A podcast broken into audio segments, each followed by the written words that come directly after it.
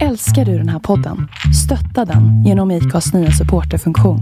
Det är helt upp till dig hur mycket du vill bidra med och det finns ingen bindningstid. Klicka på länken i poddbeskrivningen för att visa din uppskattning och stötta podden.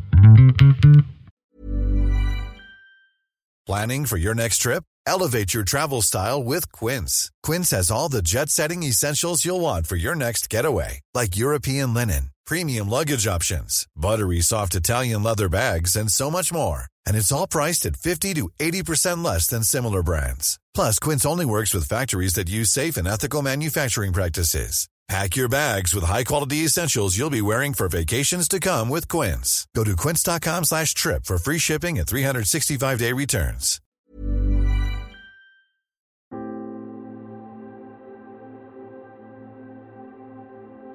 Jag har under de två senaste åren fått lära känna många fina vänner.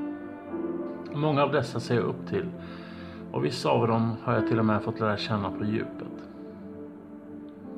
En person som jag kommit riktigt nära, ur min egen synvinkel ska tilläggas, är min poddkollega Carl Gustav. Det är en fin människa på många sätt.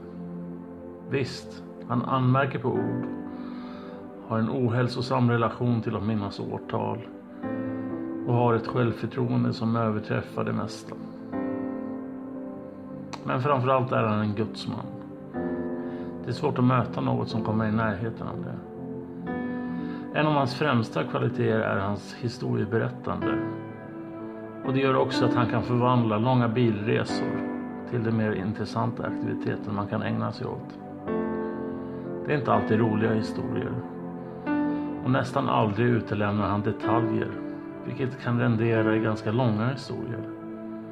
Men han berättar dessa med entusiasm som gör att den allra tråkigaste historien om Magnus Ladulås kan bli en nervkittlande upplevelse. Bibelns längsta mening dyker upp i Efesierbrevet. Där skriver en Paulus en mening som sträcker sig från vers 3 till vers 13 i det första kapitlet. Anledningen till den långa meningen är inte okunskap. Paulus var en bildad och smart man och hade inga problem med varken punkt eller kommatecken. Istället tros det handla om två saker. Det ena är språket. Men kanske ännu mer kom det att handla om entusiasm. Paulus talar om kärleken till Jesus och om varför vi är utvalda och alla gåvor vi fått genom Jesus Kristus. Han talar om det i en sån glädje och entusiasm att han helt enkelt glömmer det som han lärt sig om att skriva. Det går att jämföra med en person som håller ett tal. Och ju närmare slutet talaren kommer, ju mer passionerad blir han. Samtidigt som rösten blir starkare och starkare ända fram till hans crescendo. Det viktigaste av allt är glädjen i Jesus Kristus. Det är en stor del i något som jag nämnt tidigare välja att se livet som en gåva och inte en kamp. Vill man fokusera på svårigheterna så skjuter man bort Gud i sitt liv. Vill man se det som en gåva drar man sig närmare Jesus på ett tydligt sätt. Ett sätt som andas tillit och kärlek. Ett liv som är entusiastiskt för att vi vet vad som oss givits. Helt gratis.